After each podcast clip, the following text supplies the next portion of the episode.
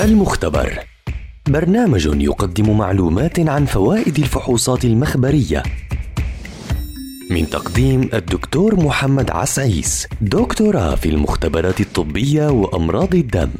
المختبر برنامج يومي عبر أثير أجيال. أهلا وسهلا بمستمعي ومستمعات أجيال عبر منصاتها المختلفة.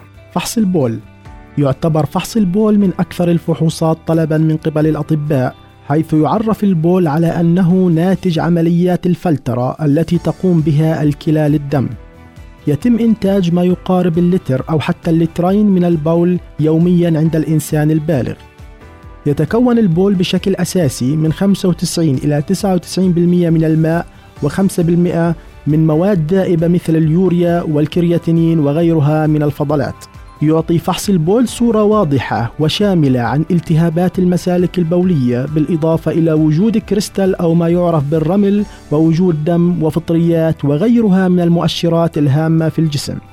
يعتبر أيضا فحص البول من فحوصات الكلى حيث يعطي فكرة شاملة عن عمل الكلى وقدرتها على تنقية الدم من السموم. يتم إجراء العشرات من الفحوصات المختلفة عن طريق عينة البول منها فحوصات بسيطة ومنها فحوصات خاصة مثل فحوصات الزراعة والمخدرات وغيرها من الفحوصات. يفضل إجراء فحص البول في الفترة الصباحية ولا يشترط الصيام قبله حيث يتم إصدار النتيجة خلال ثلث ساعة.